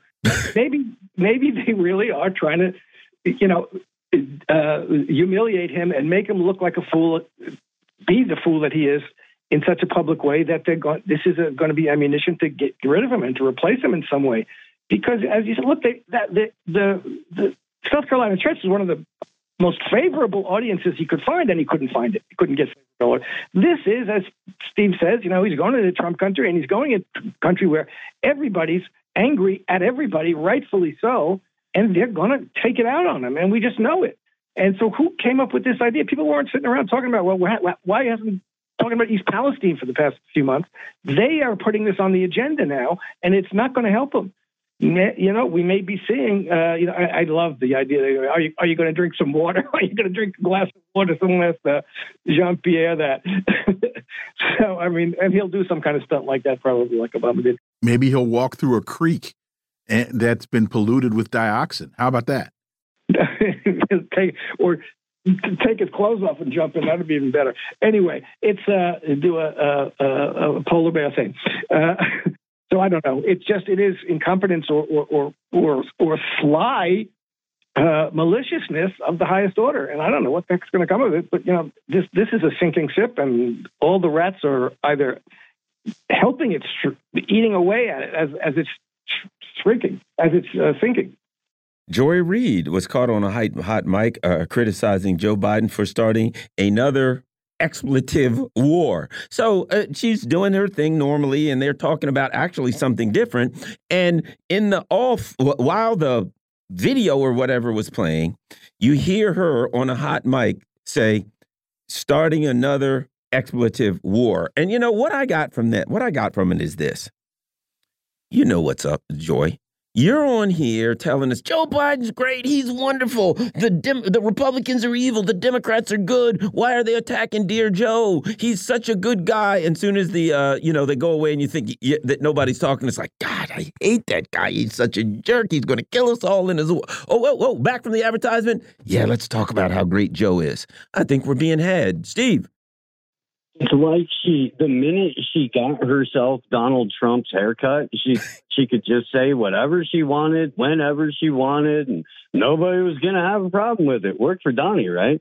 It, the, it, it is. It shows the abject hypocrisy in what's left of the mainstream media, and I think we all saw the thing that came out, uh, you know, earlier last week or whatever, with Taylor Lorenz lamenting the the downfall of the uh, you know the abject hollowing out uh, of the corporate press, um, which is no surprise. And they're being replaced by AI, and they were all automatons and robots in the first place. So it'll be an easy transition for most of the people reading their their material.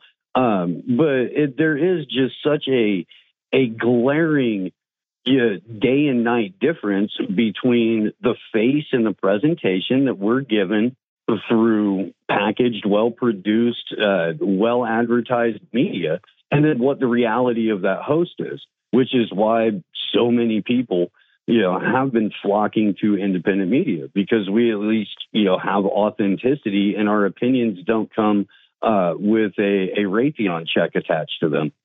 And Jim, one of the things that interest that I found interesting about this whole fiasco, well, two things that I found interesting with this whole fiasco with Joy Reid. One is when you read her apology, she didn't apologize for what she said. She apologized for the expletive that was used and that they try to be a family friendly program and that if any children were offended by the language that she used, she apologized for that. And the other thing is, I haven't really heard a whole lot of folks pick up on what transpired to say, look at the hypocrisy here, as Garland very quickly, uh, very succinctly pointed out in his question to Steve.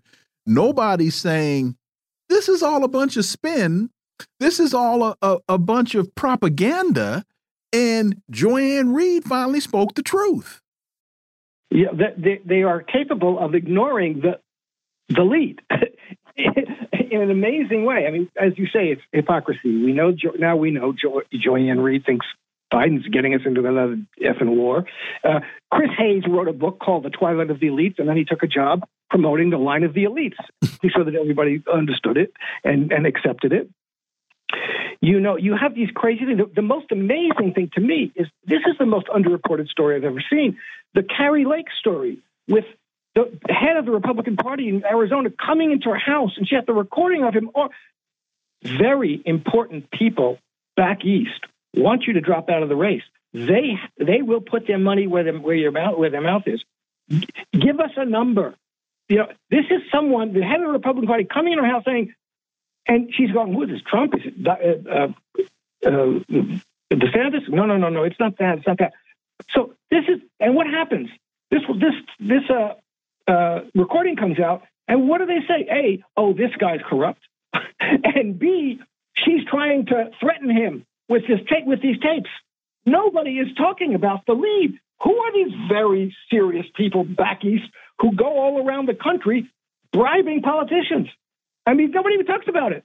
So you've got this situation where you can see, you know, it's like one of these things. The story is out there, but they kind of elide the the main topic, the main the lead, and they go and talk about, you know, oh, I, I shouldn't have said this nasty word, or oh, this guy was so nasty that uh, Kari Lake uh, taped me and put it on the What, what are you talking about? These are real. This is this is the, this is the fundamental of the hypocrisy of the, of the media, and they're lying to you, and they know they're lying to you, and they're hiding stories that are the most important stories there are. Steve, the New York Times, this is what I love. This is what they said. Arizona GOP chairman resigns after tape suggests an attempt to bribe Kari Lake. Uh, he uh, tried to bribe her, and they say that it suggests a possibility that he might have been moving in the wrong direction on this. Steve, your thoughts? The the framing on it is fantastic because this is the Washington Post telling you uh, we have the names, phone numbers, and we dine with all of the very important people back east that are alluded to in this conversation. So we're going to do absolutely everything in our power to obfuscate from the fact that there is uh, clearly a concerted group of individuals that are willing to leverage influence, money, and whatever else they have to in order to sway the outcome of an election. Now, when I was growing up, that would be called a conspiracy. And those people would be conspirators. And they would usually, at least, you know, according to the marketing, be rounded up and brought to trial for something like this. Nowadays, if you say, hey, there's videotape of a guy saying he represents a small concerted group of individuals who met in secret to try to sway the outcome of future events, you're called a conspiracy theorist. And let's take this back to where we started. Omali Yeshitela is facing 15 years in prison because he went to a um, he went to an event in Russia. It was like an anti-imperialist. He went to an anti-imperialist yeah. forum. The forum is the word I was struggling yeah. to, to. He went to an anti-imperialist forum in Russia and because of that, he is now being labeled possibly a, a, Russian agent or acting on behalf of a foreign entity. And that is a danger to democracy. But you have wealthy Republicans going to Arizona, bribing politicians to drop out of races and asking them, how much money will it take? What is your number? Now, if he if if that individual that was making that offer was acting on behalf of China, or was you know President Xi Jinping, he did say back east. We don't well, know how far, how far east. east. they wanted to go. uh, you know, President Xi Jinping has sent me uh, to ask you how much money, you, or President Putin has sent me to ask you how much. But no, that's not happening. But somehow that's okay. But working on behalf of um, impoverished people in this country and because you went to a forum an anti-imperialist forum that makes you a foreign agent. Uh, it, it's astounding yeah. I mean, who's the guy back maybe Omali was the guy back east from Florida. Could have been. Or uh, Putin and Xi yeah their ways. So but you know you just you'd think as you know Steve said this would at least be uh, provoke an investigation into this massive bribery operation that's going on across the country, Arizona. People back in, what are you talking about? Nope. The investigation is, oh, uh, you know, this is election interference. They're clearly they're trying to get her to drop out of not not to run for the Senate. Oh, just wait a couple of years. Take a couple of years off. You'll be you'll you'll you'll be in a stronger position after a couple of years.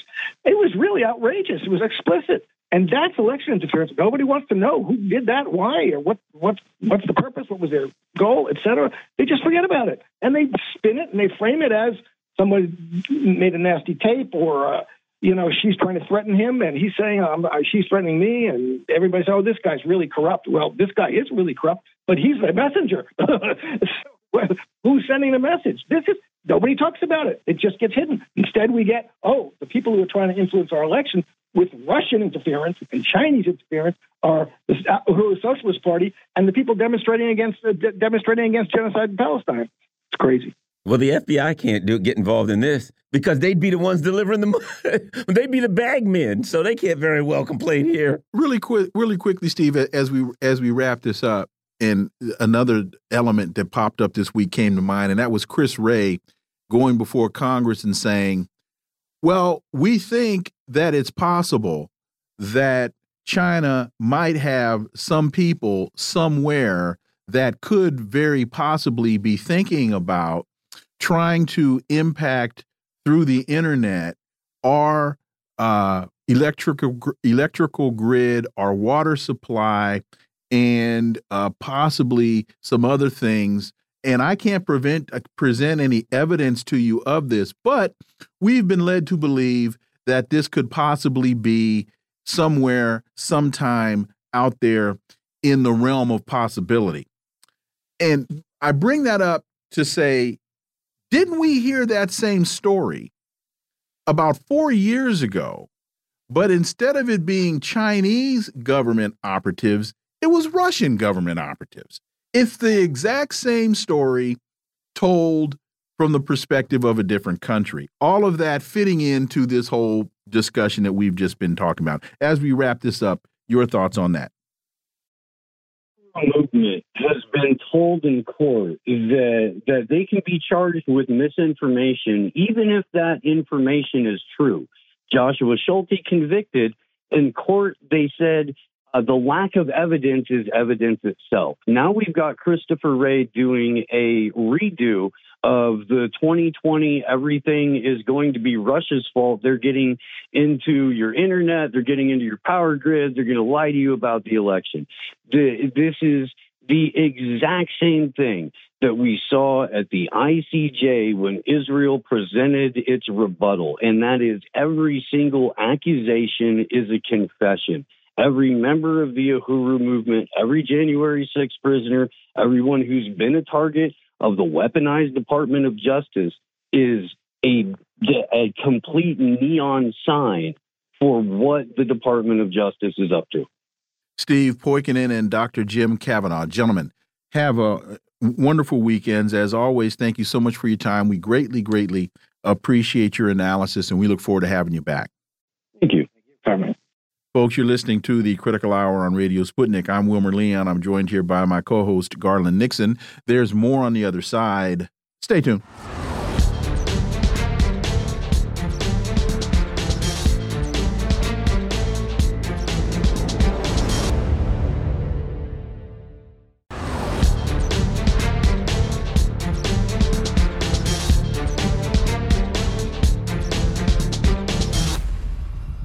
We are back, and you're listening to the Critical Hour on Radio Sputnik. I'm Wilmer Leon, joined here by my co host, Garland Nixon. Thank you, Wilmer. Popular Resistance has a piece We must stop new sanctions on Nicaragua from advancing in Congress.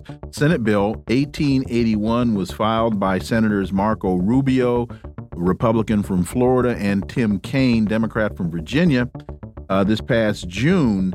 It will likely be discussed in the Senate Foreign Relations Committee before the middle of this month.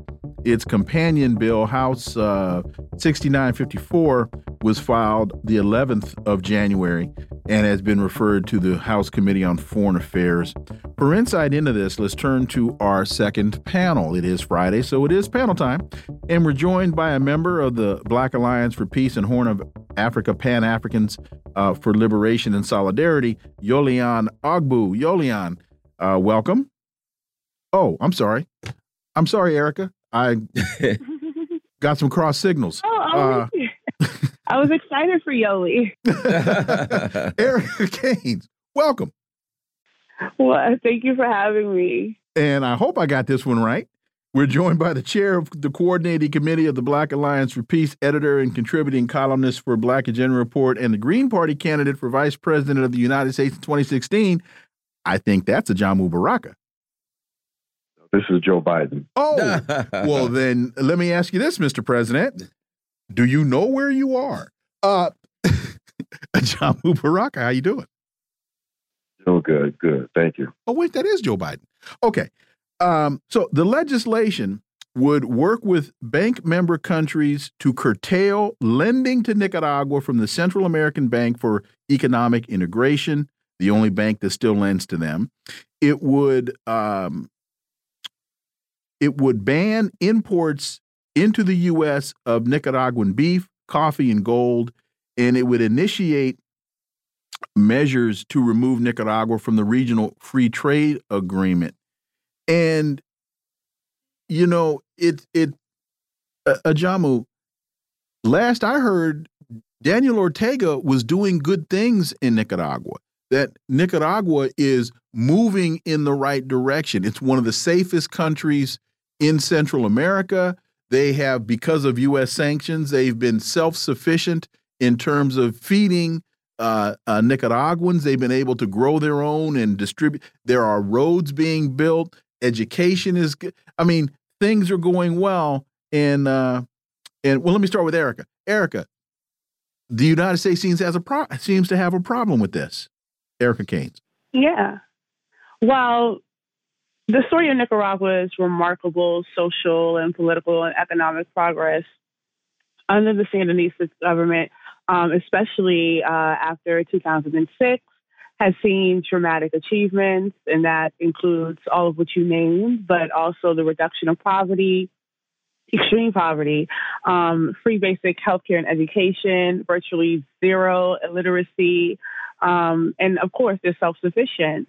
And I think that the lesser or well known um, achievements include Nicaragua's internationally recognized humane community uh, policing system and the country's ranking in the fifth in the world in gender equality. And all of this is happening in spite of um, we're seeing that the, the U.S. is attacking Nicaragua still in spite of the global recognition of these social and economic achievements. And um, you know, when you look at corporate and government sponsored media, you wouldn't know any of this is happening. And this was true in 2018 when the U.S. attempted a coup under um, the online hashtag, uh, hashtag SOS Nicaragua. And that was an elaborate and well planned conspiracy um, that the U.S. orchestrated as a coup attempt. And because fundamentally, all of the progress that I named and you named as well has happened post 2007 after the, you know, the 16 years of neoliberalism, um, when Ortega, you know, came back into power um, through the Sandinista government. And we've seen all of these things uh, occur, all of these achievements. And this is what the U.S. is attacking ultimately, and not just the, the U.S. alone, right? They're using soft power institutions like NED, like the USAID, um, and then last September, I believe, NPR featured an interview with the story as part of its uh, the Sunday Story, and it's a podcast segment with uh, that held a completely false narrative that Nicaragua was banning foreign journalists. Um, and Margaret Kimberley of the Black Agenda Report has been recognized for her journalism in Nicaragua. I've been to Nicaragua a few times with delegations alongside foreign journalists. I've witnessed foreign writers and podcast journalists, and some of them even more mainstream outlets. And we could review all of these things point for point about all of the false narratives around Nicaragua, not just the NPR piece, but then the mainstream media and right wing political figures as well. And we can reiterate the actual conditions, which are really important to name as we have. But I think what this is all uh, leading to and what the, the sanctions indicate, as my comrade uh, Camilla has stated before, this demonstrates the approach that the U.S. state media is taking fundamentally to that aligns with U.S. policy. So, what is not discussed in Nicaragua is that it's home to the largest population of African descent in Central America, um, mainly residing in the Bluefields region, which is a model for the same community control efforts we are trying to instill here. And Nicaragua overall is a model for organizing towards a better society. And that is what makes the U.S. so concerned and obsessed, even with the country. Uh, Ajamu, I'm going to connect a couple points that if I don't have any data, I haven't researched this, I'm just thinking this. So if I'm wrong, please correct me. But as we look at this discussion about uh, border insecurity in the southern border in the United States, if El Salvador were allowed to go in the same direction and develop as Nicaragua is, if Guatemala were able to go in that direction as Nicaragua. If Haiti were allowed to go in that direction, we wouldn't be seeing the degree of immigration into this country from Central America and from Haiti that we are. And so uh, you, to to the initial uh, question and then add that to your analysis. Is is that a fair statement to make? Well, it is a fair statement, but let, let, first let's deal with the the the, uh, the, the arrogance of, of the U.S. attempting to impose its uh, views, uh, its positions on a sovereign nation. What if things weren't going so well in, in Nicaragua? Would the U.S. have a right to to intervene, to comment, uh, to attempt to manipulate? I mean, the, the, the arrogance of a, a state, especially a state with the internal issues that it has, its inability to address its own uh, contradictions, economic contradictions, with uh, half a million people who uh, don't have any place to lay their heads uh, at night, with millions of people with no access to uh, to health care, uh, with industries being allowed to poison tens of thousands of people every year in the U.S with thousands of people who die unnecessarily because they don't have access to health care uh, and they're subjected to the fact that they don't have any kind of, of protection from the state at all. This is, is incredible that the U.S. would take it upon itself to comment on any other nation's attempt to develop uh, along their own lines. And especially is, is outrageous uh, when the U.S. is clearly involved in supporting a murderous genocide in, in Gaza, the notion that the U.S. would be in any way concerned about democracy or human rights or the plight of any other group of human beings is out, absolutely outrageous. So we want to we want to begin to to address that and under undermine any respectability that the U.S. continues to pretend to have and not even entertain whether or not there's any substance uh, in their analysis. Second quick point. You are absolutely right, uh, uh, uh Dr. Leon, that if if the U.S. wasn't so uh, uh, committed to reactionary politics, holding up upholding the status quo internationally, the, stat- the international capitalist status quo, then the wars that were waged for liberation in the 1970s and into the 1980s in those very same countries you you uh, you, you you held up Guatemala, El Salvador, uh, then you you're right. We would not have the uh, migration issue that uh, the U.S. is facing, with mi- migrants coming from those countries and other countries, including uh, Haiti but it's the reactionary rea- uh, reality of those nations that who had their revolutionary processes undermined by the gangsters in the U.S. that have created the objective conditions we see today uh, throughout Central America, and is the the, the the counter to those realities represented by Nicaragua that becomes the threat to the U.S.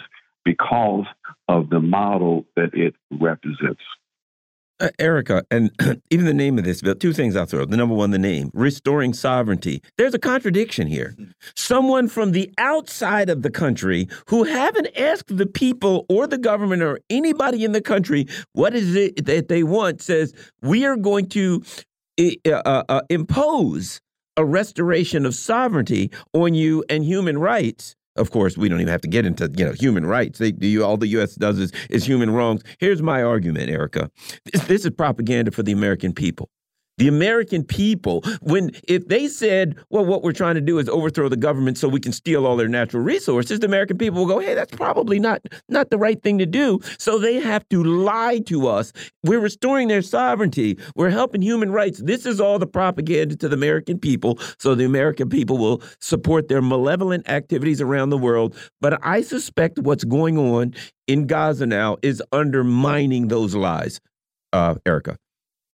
Yeah, I think what's happening in Gaza is a very critical point in terms of how uh, the masses are really able to reanalyze or re-understand um, what's happening or what they thought they knew. Um, but also connecting to to the the last question that you asked, John, we can even see uh, in terms of Haiti and Nicaragua for quite some time, um, Haitians have been able to go to Nicaragua as opposed to getting stuck at the border. And that has been going on for a few months, and the U.S. has intervened.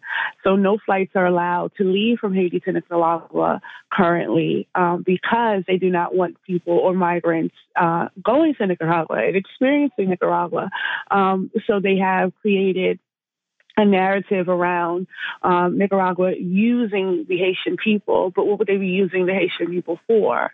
Um, and so, again, it is particular narratives that the U.S. is hoping catches on from the masses who, again, as as Gaza has shown, has really been ignorant to the geopolitics of their, its own country, or really understanding how a how the U.S. has interfered in the politics and and the governance of the surrounding nations and, and the, the policies of the Monroe Doctrine and, and the fact that it has continued on for so long, which is why, you know, it's important that that launched uh, that campaign for a zone of peace along with key partner organizations because the people of the U.S., particularly African people in this country, need to really understand ourselves as part and parcel of the Americas particularly because of the same sort of occupations that we are facing, the same sort of sanctions that we are facing internally when we look at, you know, uh, food deserts, etc. Um, so I think that these things are really important that we we really make these people centered campaigns because it is the people who shape these conditions. Uh, Ajamu, on the periphery of this, and I I put periphery in quotes. Um, the United I see China. I see an issue with China here because the U.S. is banning some imports of Nicaraguan beef. Well, China would buy the beef.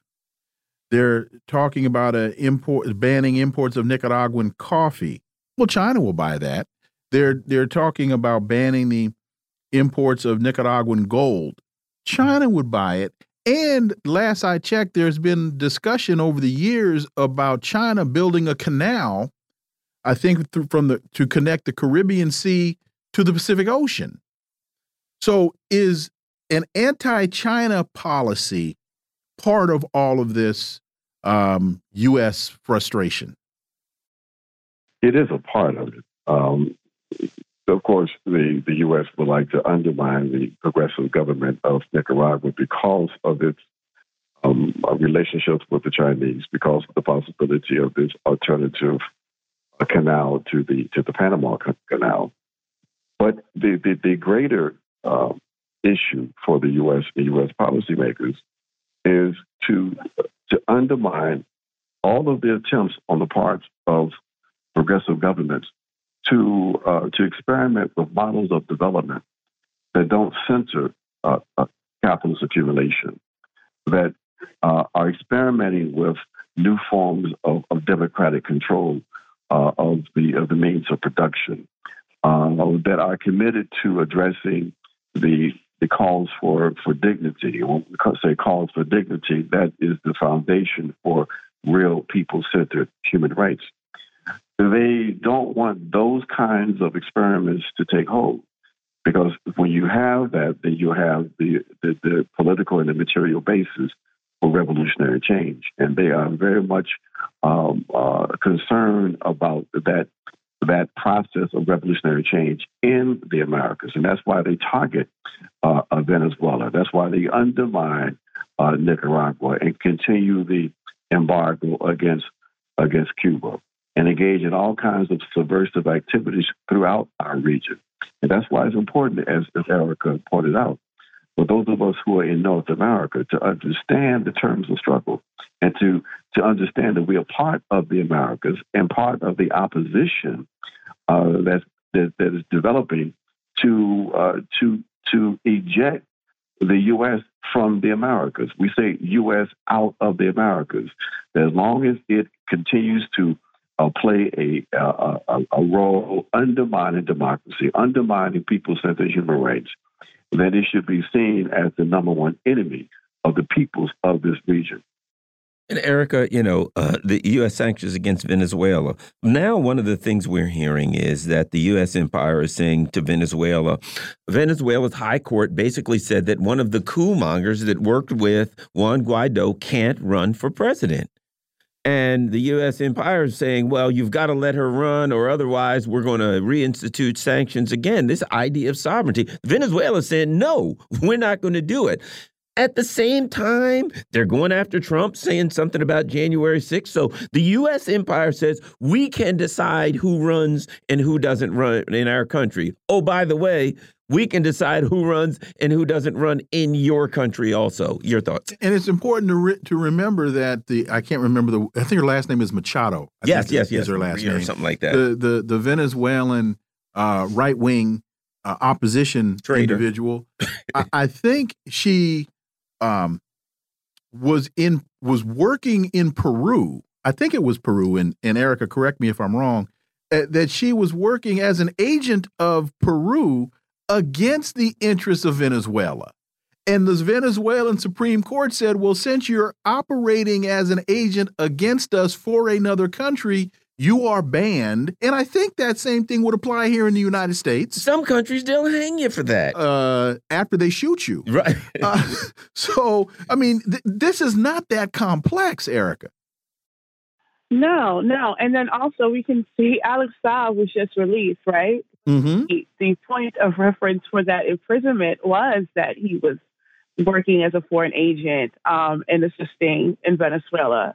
So the U.S. was able to hold Alex Saab for a number of months um, just based off of that, right?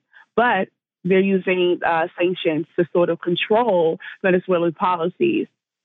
Uh, similar to war, sanctions are equivalently devastating and deadly. Economic sanctions are an act of war. It's a tactic of war targeting particular nations, strangling its economy. We see that with the blockade in Cuba.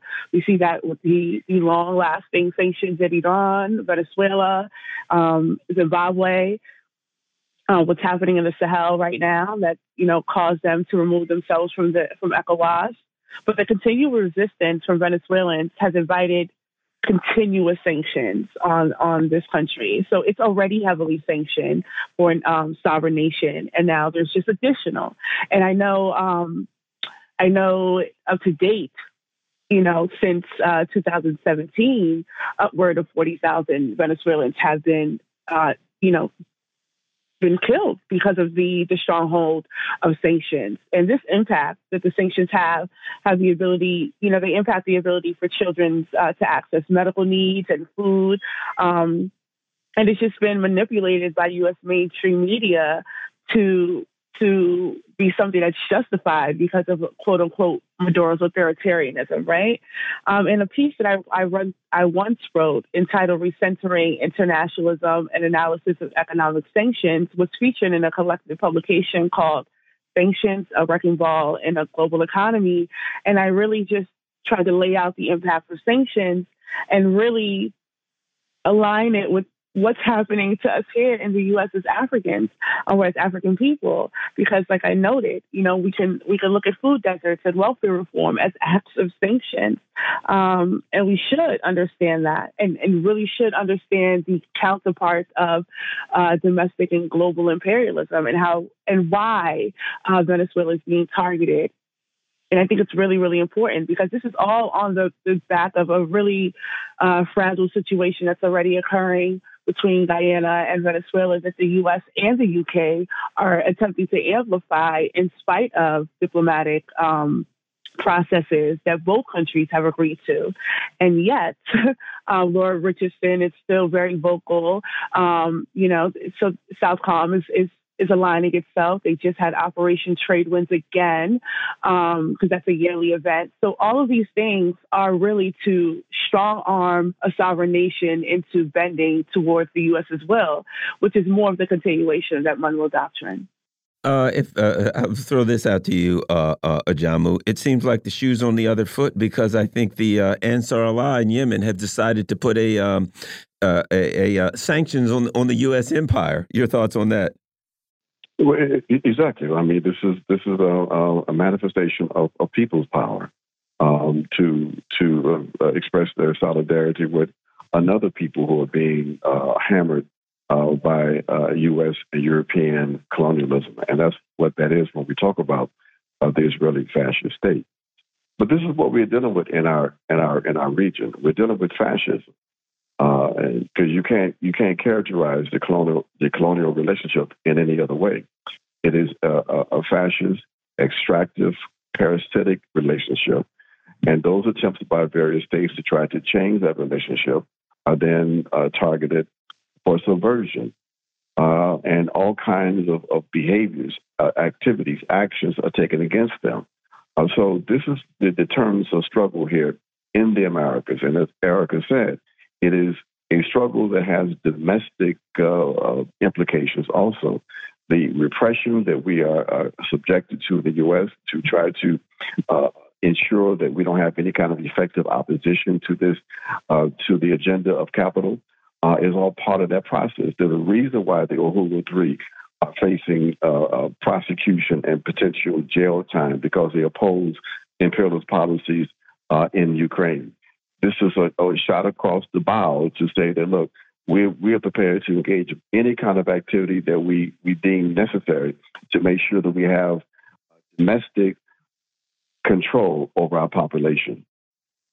Erica Caines and Ajamu Baraka, thank you both so much for your time. Greatly, greatly appreciate that analysis, and we look forward to having you back. Thank you. Thank you. You know, you know, Garland, really quickly, all of this takes me back to the speech that Joe Biden gave a couple years ago when the U.S. hosted the the summit of some of the Americas, and he talked about protecting democracy and protecting sovereignty, and that doesn't seem to be applicable to any any of this. It seems to be in direct direct contradiction. Oh yeah, absolutely. I mean, you know, and uh, the the the great thing, unfortunately, but the good thing is that the language that the U.S. is using, sovereignty, um, uh, uh, human rights, used to fool people, mm -hmm. and now it just exposes them because exactly. everything is out in the open. Exactly. Exactly. Well, you know, Wilmer, I'll throw this out, and I think that over the weekend, what we'll find uh, something out because the Biden administration has been saying, you know, we're going to attack somebody, Iran, whoever, whatever the case may be. I think over the weekend we'll find out if they're going to do it or whether or not um, maybe there'll be some kind of a big peace agreement and they'll be able to hopefully uh, i'm hoping to back that out and to stop the and the, here's the, the point to that. I think they will attack something the question folks need to pay attention to is how significant it, because they've already backed themselves into the corner we've got to do something and we'll do it in our in a time of our choosing. What will they attack and will it be significant I think the significance of it is what people are going to have to pay attention to. Again, folks, you've been listening to the Critical Hour here on Radio Sputnik. Thank you for allowing our voices into your space on behalf of myself and my co host, Garland Nixon. We hope you were informed and enlightened, and we look forward to talking with you all right here next week on Radio Sputnik. Be safe. Peace and blessings. We're out.